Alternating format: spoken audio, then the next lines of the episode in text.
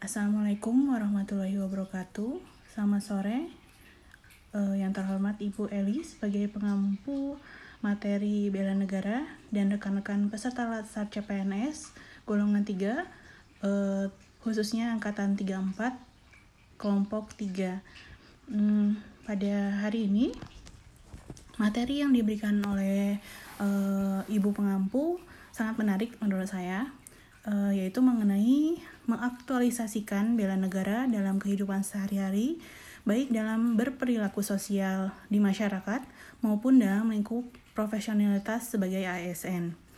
Hmm, beberapa sikap sederhana yang bisa dilakukan sebagai individu untuk mencerminkan sikap bela negara dalam berperilaku sosial, di antaranya adalah dengan menghargai perbedaan-perbedaan yang ada di masyarakat dengan menghargai perbedaan yang ada, maka kerukunan selalu tercipta dan keutuhan serta persatuan bangsa dapat terjaga. E, dalam lingkup profesionalitas sebagai ASN, sikap bela negara yang bisa dilakukan adalah dengan bersikap jujur dan bertanggung jawab terhadap apa yang sudah menjadi tupoksi kita. Dengan sikap jujur dan bertanggung jawab, refleks kita akan selalu mendahulukan kepentingan bangsa di atas kepentingan pribadi. Nah, dalam sesi sinkronus mengenai bela negara hari ini, saya juga uh, termotivasi oleh rekan yang bertugas sebagai seorang guru.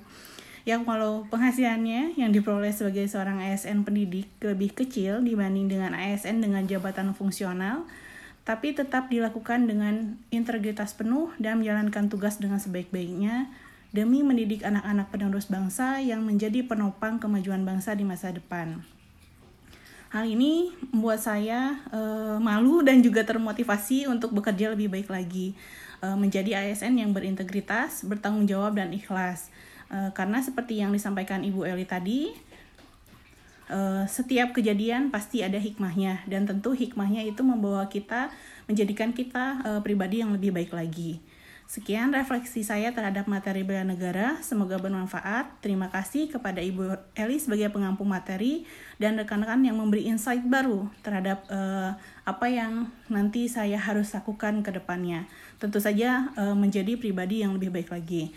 Wassalamualaikum warahmatullahi wabarakatuh. Selamat sore. Sampai jumpa di kesempatan berikutnya.